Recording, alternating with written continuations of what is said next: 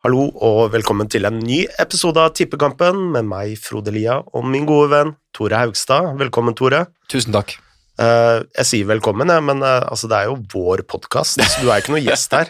Nei, sist jeg sjekka, så er det vår. Ja. Eh, vi har ikke blitt kjøpt opp av noe konsern ennå, så får vi se hvor lenge det varer.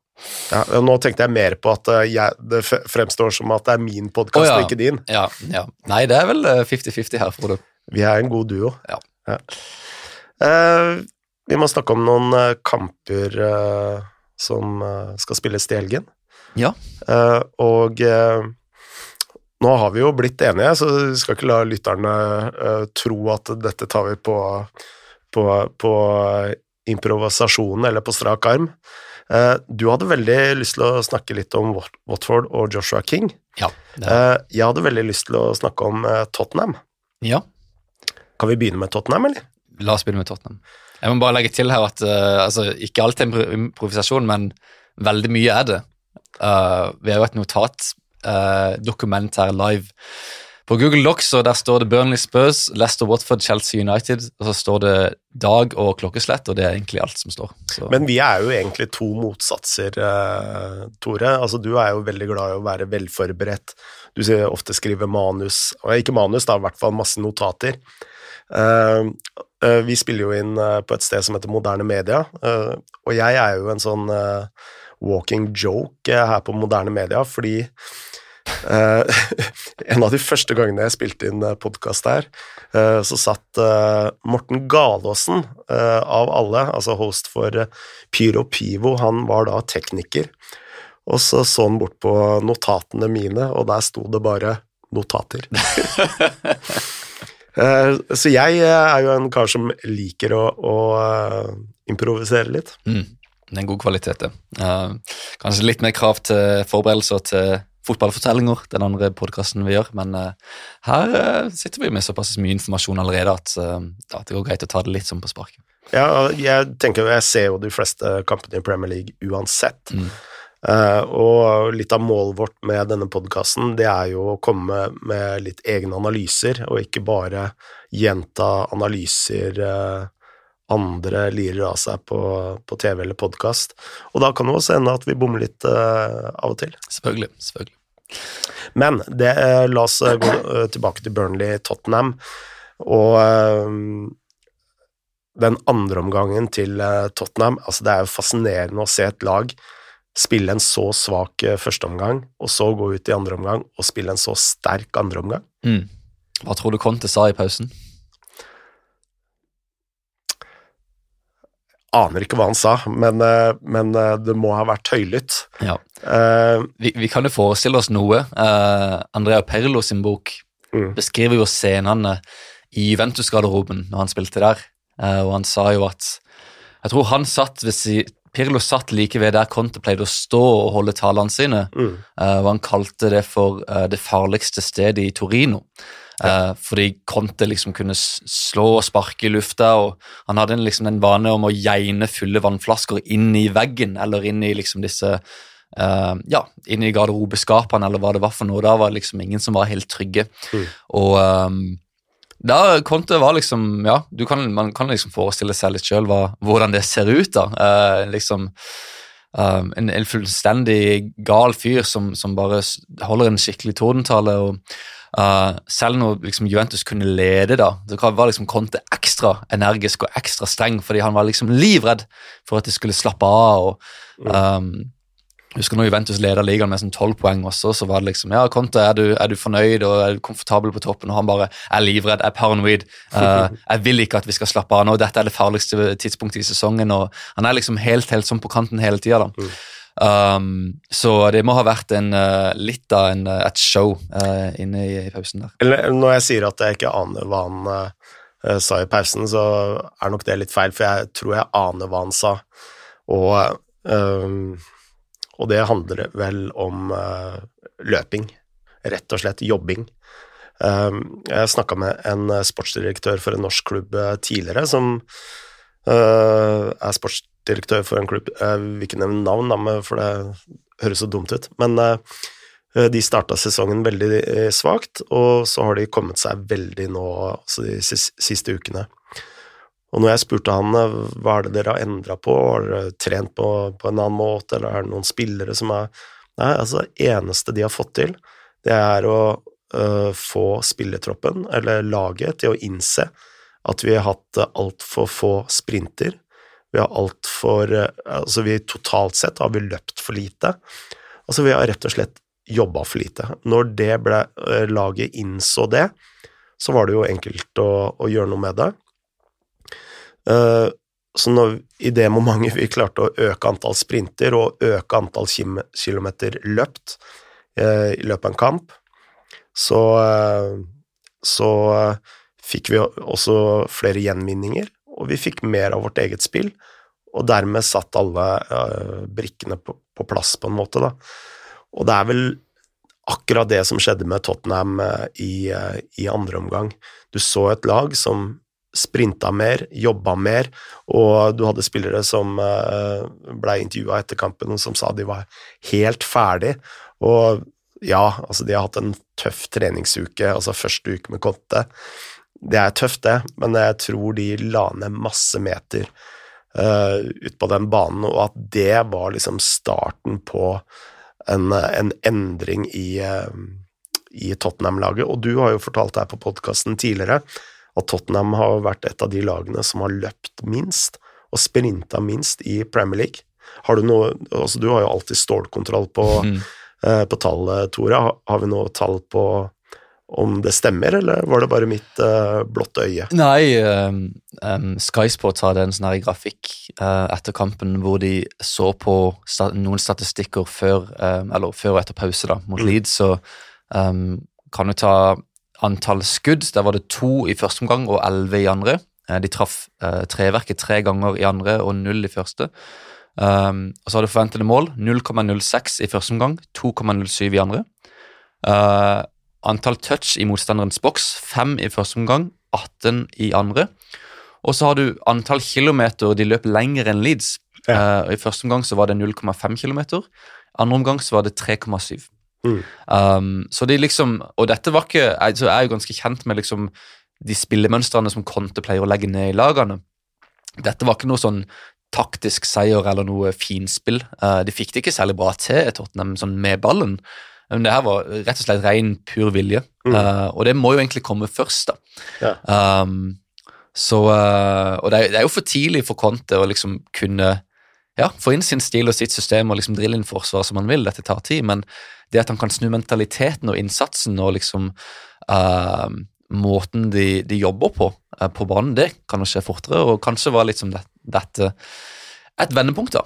Mm. Uh, og så må du legge til at altså, det med liksom å løpe langt altså Generelt sett så er ikke det en sånn statistikk som altså De beste lagene løper ikke alltid lengst, men hvis du er liksom helt på ekstremt i bunnen, så kan det være et problem. Mm. Um, men det med sprinter, det er interessant. Ja, for det er vel det som er det mest uh, korrekte, ja. eller beste metricsen, da, uh, ja. med tanke på, på, om det er et lag som jobber hardt eller ei. Ja, og jeg tror jeg, jeg, tror, jeg tror jeg så noe om at Liverpool um, fikk veldig mange flere sprinter når Klopp kom inn. Fordi det er liksom um, sånn gjenvinning, så er det høyintensitetssprinter inn mot ballen, opp i press. Uh, når de har ballen, så er det masse uh, sprinter inn i bakrom. Det er mm. bevegelser hele tida. Uh, mens altså, hvis du um, snur, snur, på flisa og liksom tar bort sprintene og bare har antall kilometer, så kan du jo ha et lag som bare lunter frem og tilbake, som er passive i presset. Um, og du har jo, jeg husker når vi begynte med å, å gjøre podkaster, så noe av det første du sa, at liksom, var at forskjellen på de beste lagene og de dårligste er tempo, intensitet. Mm. Ja. Uh, og det handler jo mye om hva du gjør med ballen, men også ja, hvor, for, hvor fort du sprinter, og hvor ofte du sprinter. og hvor fort ting beveger seg. da. Mm. Um, så jeg kanskje, kanskje si at antall sprinter er en statistikk som kanskje fortjener litt mer oppmerksomhet og analyse da, i mm. fotball. Ja, det er, altså, det er rart uh, i en tid hvor man overanalyserer det taktiske og det strategiske, at uh, hard jobbing er fortsatt det som må ligge i bunn. bunn. Altså, hva er det ordtaket heter? Altså Hard work beats talents when talents don't work. Ja, ikke sant. Um, Ferguson hadde en greie om at uh, han sa til spillerne at det øyeblikket hvor det andre laget jobber hardere enn oss, så er ikke vi Manchester United, sa han. Mm. Um, og eh, det er en sånn underkommunisert greie selv blant disse taktiske geniene. sant? Pep Guardiola, eksempel. Du har sikkert lest de der bøkene til Marti Perranau bak sceneteppet med Guardiola i Bayern og City. Ja. Ja. Uh, og Det er masse om taktikk, og sånn, greit, men det er masse masse om løping og innsats. og liksom Pep bare sier at hvis dere ikke løper, så har dere ikke kjangs. Dere må løpe. Um, og jeg tror Miguel Delaney i Independent hadde en detalj om at um, altså Det var jo en svær greie når Guardiola, Guardiola kom inn, at uh, det var for mange spillere som var overvektige. Ja. Uh, og det var, jeg, jeg husker ikke om, Nasri, om Nasri var der da, men det var én spiller som, som ble uh, Han fikk ikke spille fordi han var for, veide for mye. I City? Ja, Ja. når Pep kom inn. Jeg husker ikke hvem det var. Men uh, han er liksom De skal være, de skal være riktig vekt. Det var Um, ikke Nolito? eh, mulig, mulig. Jeg, jeg husker ikke helt det. Men um, han er i hvert fall, altså, Du skal være i så god form, og du skal være akkurat riktig vekt. Og det var også snakk, altså Delaney skrev noe om at uh, det var noen medlemmer av støtteapparatet som veide for mye idet de kom tilbake fra sommerferien og skulle på preseason. Mm. Og Det var et eller annet greie som at de fikk ikke være med på preseason-turen eller noe til utlandet hvis de veide for mye. Altså medlemmer av støtteapparatet. Ja. Så det liksom, der ligger lista, da. Um, og det, det syns jeg er litt sånn underkommunisert med Guardiola, at City løper mye, de jobber beinhardt. Uh, vi så jo City PSG i går, hvor du har kontrasten mellom sant? et kollektiv som løper og sliter hele tida, og så har du PSG hvor du har tre luksusspillere. Mm. Det, det, og det faller sammen uh, hvis du ikke har det i bunnen. da.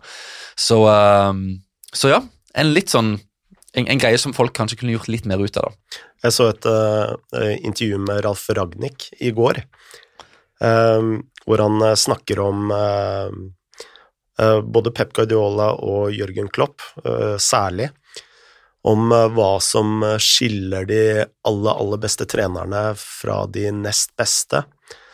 Eh, og det handler om å implementere trenerens fotballvisjon inn i hjertet og hjernen til alle spillerne. Og han brukte et eksempel da med Mohammed Salah og Firminho, Firmino, som er, begge er spillere som blei eh, henta til tysk eh, fotball av eh,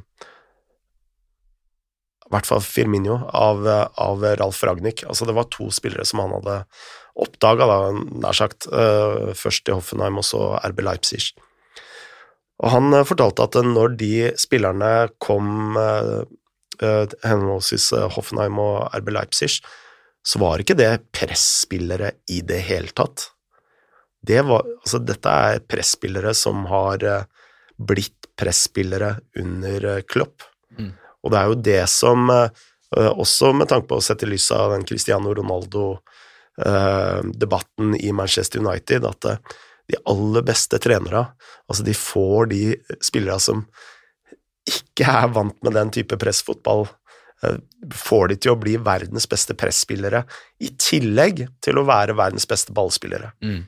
Eh, Og det er jo det som er så vanvittig imponerende med både Pep Guardiola, Tukkel og, eh, og Jørgen Klopp spesielt, da.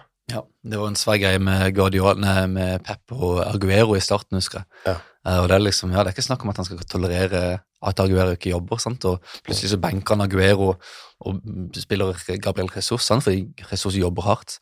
Um, så det er, det er interessant at liksom disse trenerne er så, insisterer så hardt på det, og klarer å, å ja, overtale spillerne til å bli med på det. Ja.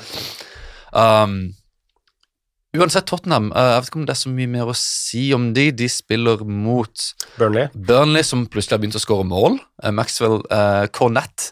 Uh, helt, helt ustoppelig for tida. Uh, og det er litt sånn Det er et par eh, bekymringsfulle skader da, for Burnley den helgen. Tarkovskij er ute, Uh, og så har du Westwood eh, på midtbanen, som også er ute. Så jeg, jeg, har jo stor tro på at eh, Tottenham eh, tar, tar denne kampen. Eller jeg håper at eh, vi får se et mer Tottenham av typen andre omgang mot Leeds. Ja. Um, det er interessant med Burnley. altså de er, Jeg har jo likt Burnley sånn rent taktisk sett ganske lenge, fordi de er så fæle å spille mot, og de har liksom en helt annen stil enn resten, og de får det til å fungere. men Mm. og det har jo, altså Før så var det jo så typisk at Burnley liksom vant 1-0 hjemme hele tida, på en corner eller noe, mot liksom lagene rundt seg. der, og, og, og det var liksom um, det de overlevde på. Uh, men siste resultatene til Burnley nå 3-3 hjemme mot Palace hjemme. 1-1 borte mot uh, Chelsea. 3-1 hjemme mot Brentford og 2-2 borte mot Watford. Så det er altså uh, ni, ni mål, skåra på fire kamper. Så det er en litt sånn annerledes Burnley-utgave enn det vi er vant med. Uh, litt mer trøkk på topp. Cornett har hjulpet veldig mye. Men så har de heller ikke den defensive tryggheten som de pleide å ha. Så um, interessant å se hvordan det spiller ut mot et Tottenham-lag som fortsatt ikke har den defensive soliditeten inne da, under konto. Mm. Jeg, altså jeg har også likt Burnley i mange, mange år, men jeg har bare fått uh, han eieren, Alan Pace, fra Alk Capital uh, litt opp i vrangstrupen. Okay, hvorfor det? Nei, den arrogansen uh, Jeg skal komme inn og revolusjonere fotballen og Det er det de alle sier. Ja, jeg er så lei det. Altså, den har jeg hørt før. Ja, ja. så det blir litt sånn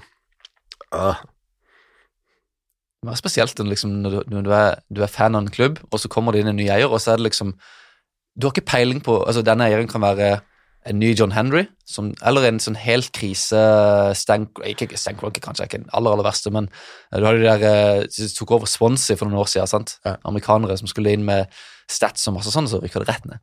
Mm. Uh, liksom, hele klubbens skjebne er liksom helt avhengig av identiteten og planen til den eieren. da. Uh, det er ingen som kan gjøre noe med det heller. Nei, men det skal jo også sies at Premier League er jo full, fullt av lag med ganske døve, døve eiere. Ja da, ja da. Ja da.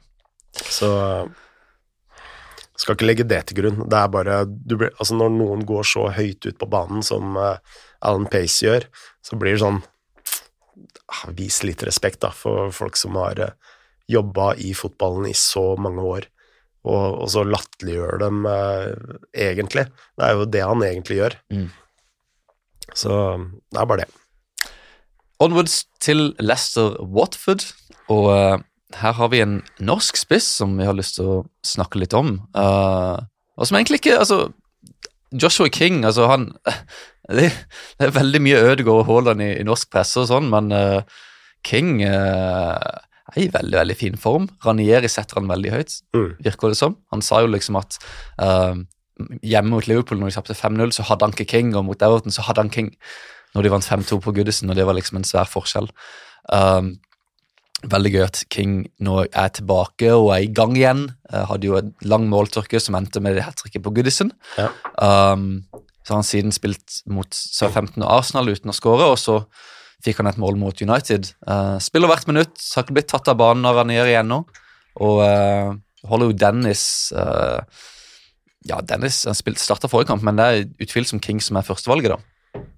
Um, Selv om han bare skåra ett mot Manchester United, så var han jo Altså, han var jo kampens gigant. Ja, ja. Altså, han herja med Manchester Uniteds forsvarsspillere. Og det er jo en Ranieri-spiller, egentlig. Altså, Du har en sterk spiss som liksom kan uh, løpe i bakrom, holde ballen oppe. Mm. Uh, passer veldig godt til et lag som spiller ganske direkte. Mm. Um, og um, Jeg vet ikke, det er kanskje litt for enkelt, men er han litt en sånn kanskje Diego Costa-type på sitt beste? Altså en, en, veldig mobil, sterk spiss. Kjøper du den? Veldig mobil, sterk spiss, god til liksom å ta med seg uh, forsvarsspillere ut på kant. Uh, sterk til å holde liksom ballen oppe, veldig god i boksen. Um, Litt ja, sånn samme fysiske sånn, så... Litt sånn samme fysiske profil, da. Ja, men han er, er jo betydelig mindre da, enn eh, Costa. Ok, Joshua King, hvor høy er han? Skal vi tippe? 1,83? 1,80. 1,80, ja. Diego Costa. Han er ved 1,90. Nei, det er han ikke. Jeg tipper midt på uh, 80-tallet. Um, Oi da, ja. 1,88. Han var høyere enn jeg trodde. Mm. Ja. Men, eh, men, eh, altså, du er jo inne på noe med profil, da.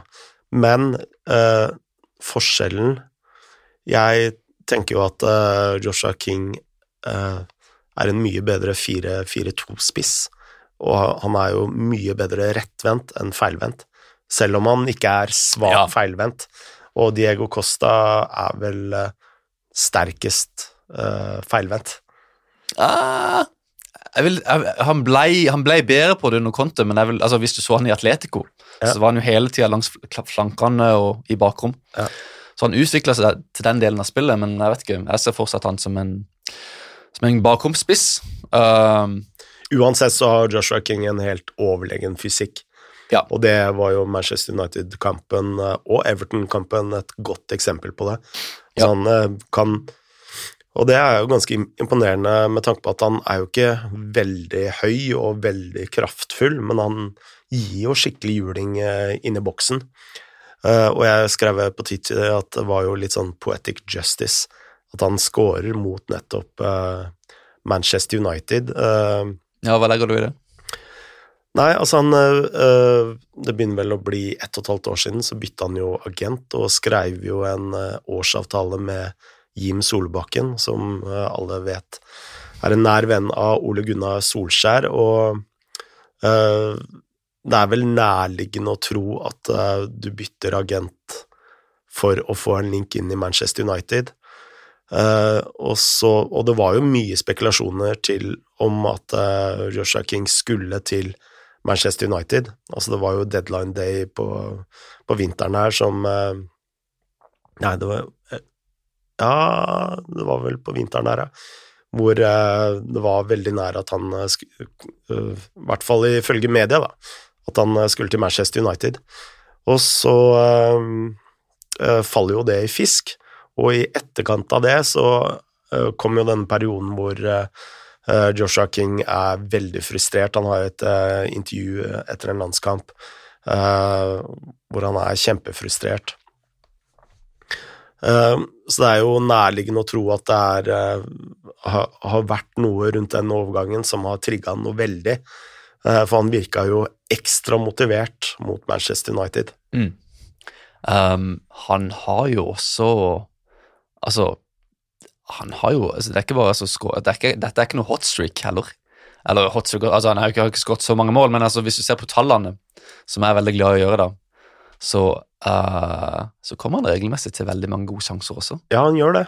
Uh, du har, uh, igjen, for de som er glad i tall og sånn, hvis du ser på forventede mål, så ligger han på 0,44 per 90. Mm. Nei, 54. 0,54. Og det er skyhøyt, altså. Det er Skal vi se, jeg har en liten oversikt her. Uh, hvis du sammenligner med noen av de beste. Nå har han ikke spilt så mye da, som f.eks. Sala, så det er jo vanskelig å opprettholde et sånt tall over lang tid, men likevel, altså. Det er veldig lovende for, uh, for uh, fortsettelsen. Um, skal vi se, Hvis du har Sala, da. Sala ligger på 0,56. Uh, så omtrent, om, omtrent samme expected goals rate som, som Sala. Mm. Vardi 0,46, så han ligger over han. Um, Tony 0,20, langt, langt over han. Uh, Son 0,30, langt over han.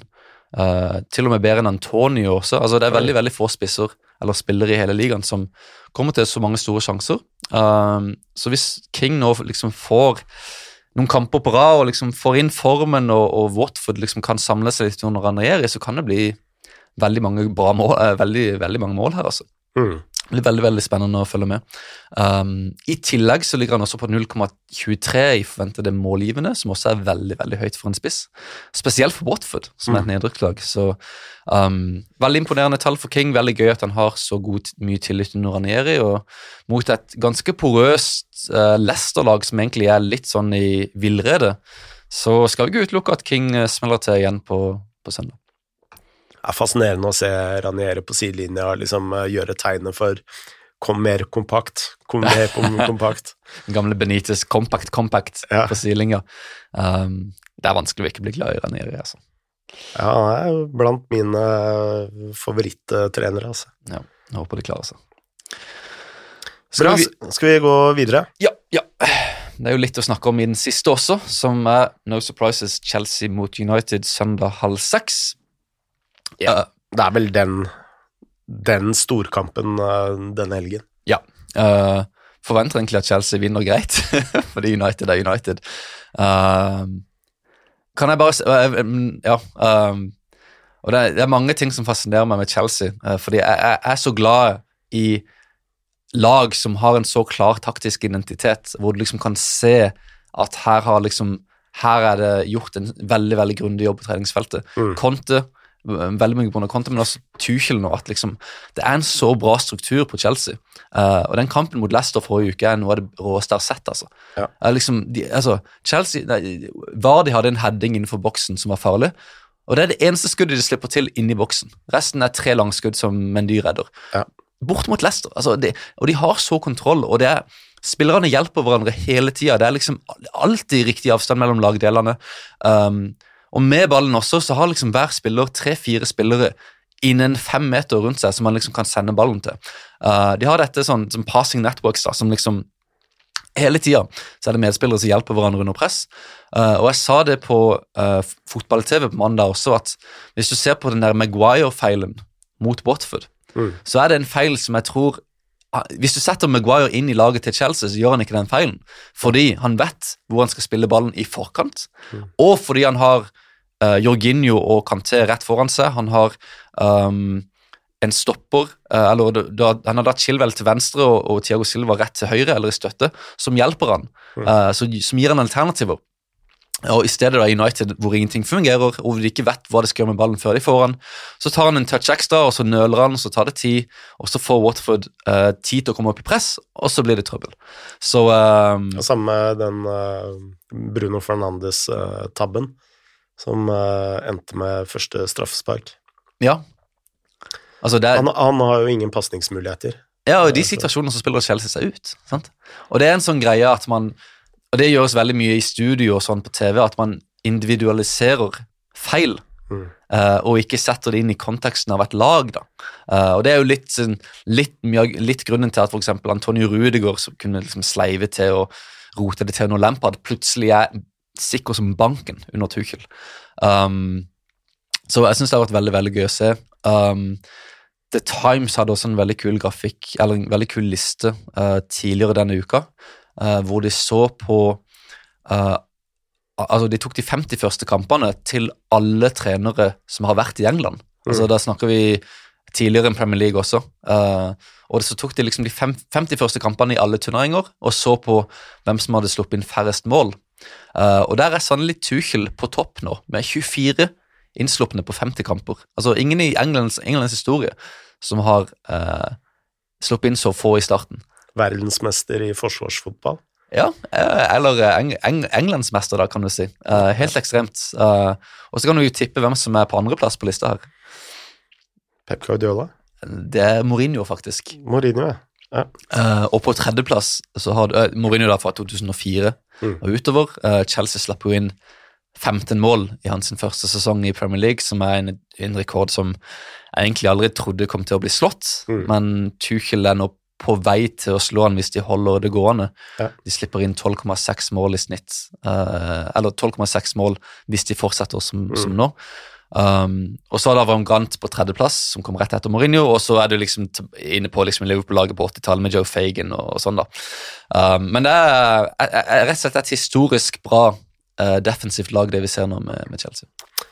Altså Det er interessant det du sier om uh, en uh, taktisk og strategisk identitet. da. For altså, hvis det er et kvalitetstegn, så er jo Premier League ufattelig sterkt nå. For du har jo uh, veldig, veldig mange lag som virkelig har en, uh, en eh, strate strategisk identitet. Altså, da, da tenker jeg ikke bare på topplagene som Chelsea, Manchester City, Liverpool, men altså hvis du går nedover tabellen nå, Brighton for eksempel, har jo en tydelig taktisk identitet. Kan jo ikke si noe annet. Leicester også, for så vidt. Brentford, ikke minst. Leeds, Burnley. Mm. Alle lag med en eh, veldig tydelig taktisk identitet. Uh, og det, det var jo kanskje det som blei Ole Gunnar Solskjærs bane, uh, hvor du uh, Altså, de fremsto som verken fugl eller fisk. Ja. Altså, ja. Veldig godt poeng. Nesten alle egentlig har altså eh, Hun har Hasenhyttel i Southampton også. Uh, nesten alle lagene har det, ja. Ja, for lakmustesten er det sånn Kan du beskrive Manchester Uniteds fotball? Ja, ja. Uh, jeg kan ikke det, Nei. sånn kort. Nei. Um, og det henger kanskje litt sammen med at Solskjær sin CV var den svakeste i ligaen, Ja. sånn trenermessig. Um, men det er også med, men generelt med Premier League, og det er, et, det er en større greie, da, og det går litt sånn på Europa og Champions og det vi så nå, men altså skal ta det kort, men altså, Premier League og styrken der altså, det er Jeg er ganske sikker på at Du har Bayern da, som er gode, men utover det så er jeg nesten sikker på at et engelsk lag vinner Champions. De er så sterke. De har så mye penger. Uh, og i, i, går så så vi jo B-laget til Liverpool slå mm. Porto. Uh, City slår PSG fortjent. Uh, Chelsea knuser Juventus. Mm. Og, um, og, til og med United, da, som egentlig er helt lost, skal klare å slå Villarreal borte. og um, Så noen av resultatene også um, i Champions forrige sesong. Liksom Chelsea fillerister Real Madrid. Og, mm. uh, det, det handler jo ikke bare om at Premier League har blitt så bra og økonomisk, men det handler jo også mye om uh, hvor vanstyrt uh, f.eks. spansk fotball er. da. Og da tenker jeg særlig på Barcelonas fall. Ja, ja, ja. De har ikke hjulpet seg sjøl. PSG er vel ikke perfekt klubbdrift, akkurat. Nei, nei. Uh, og så har du litt Italia, da, hvor der kan du si at økonomien er såpass skral at det er vanskelig å liksom hamle opp med det store. Uh, men uh, altså fremover også i England med de, de, ressursene de har, og nå gjorde de inngikk inn en, en enorm TV-avtale med var det CBS? Jeg husker ikke hvem det var som kjøpte de, men det var en ny TV-avtale for rettigheter i USA. En enorm avtale. Enorm, mm. mm. stor økning. og um, ja, det, det, De kommer til å fortsette den dominansen, og det er faktisk uh, Før så snakka vi liksom om topp fem, og liksom at det er La Liga og liksom La Liga og England som er de beste, og så kanskje Italia.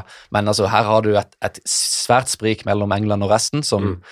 ser ut til å bare øke. og Spørs hva slags konsekvenser det får på ulike Uefa og ECA-toppmøter fremover neste år. Uh, tilbake til Chelsea-Manchester United, så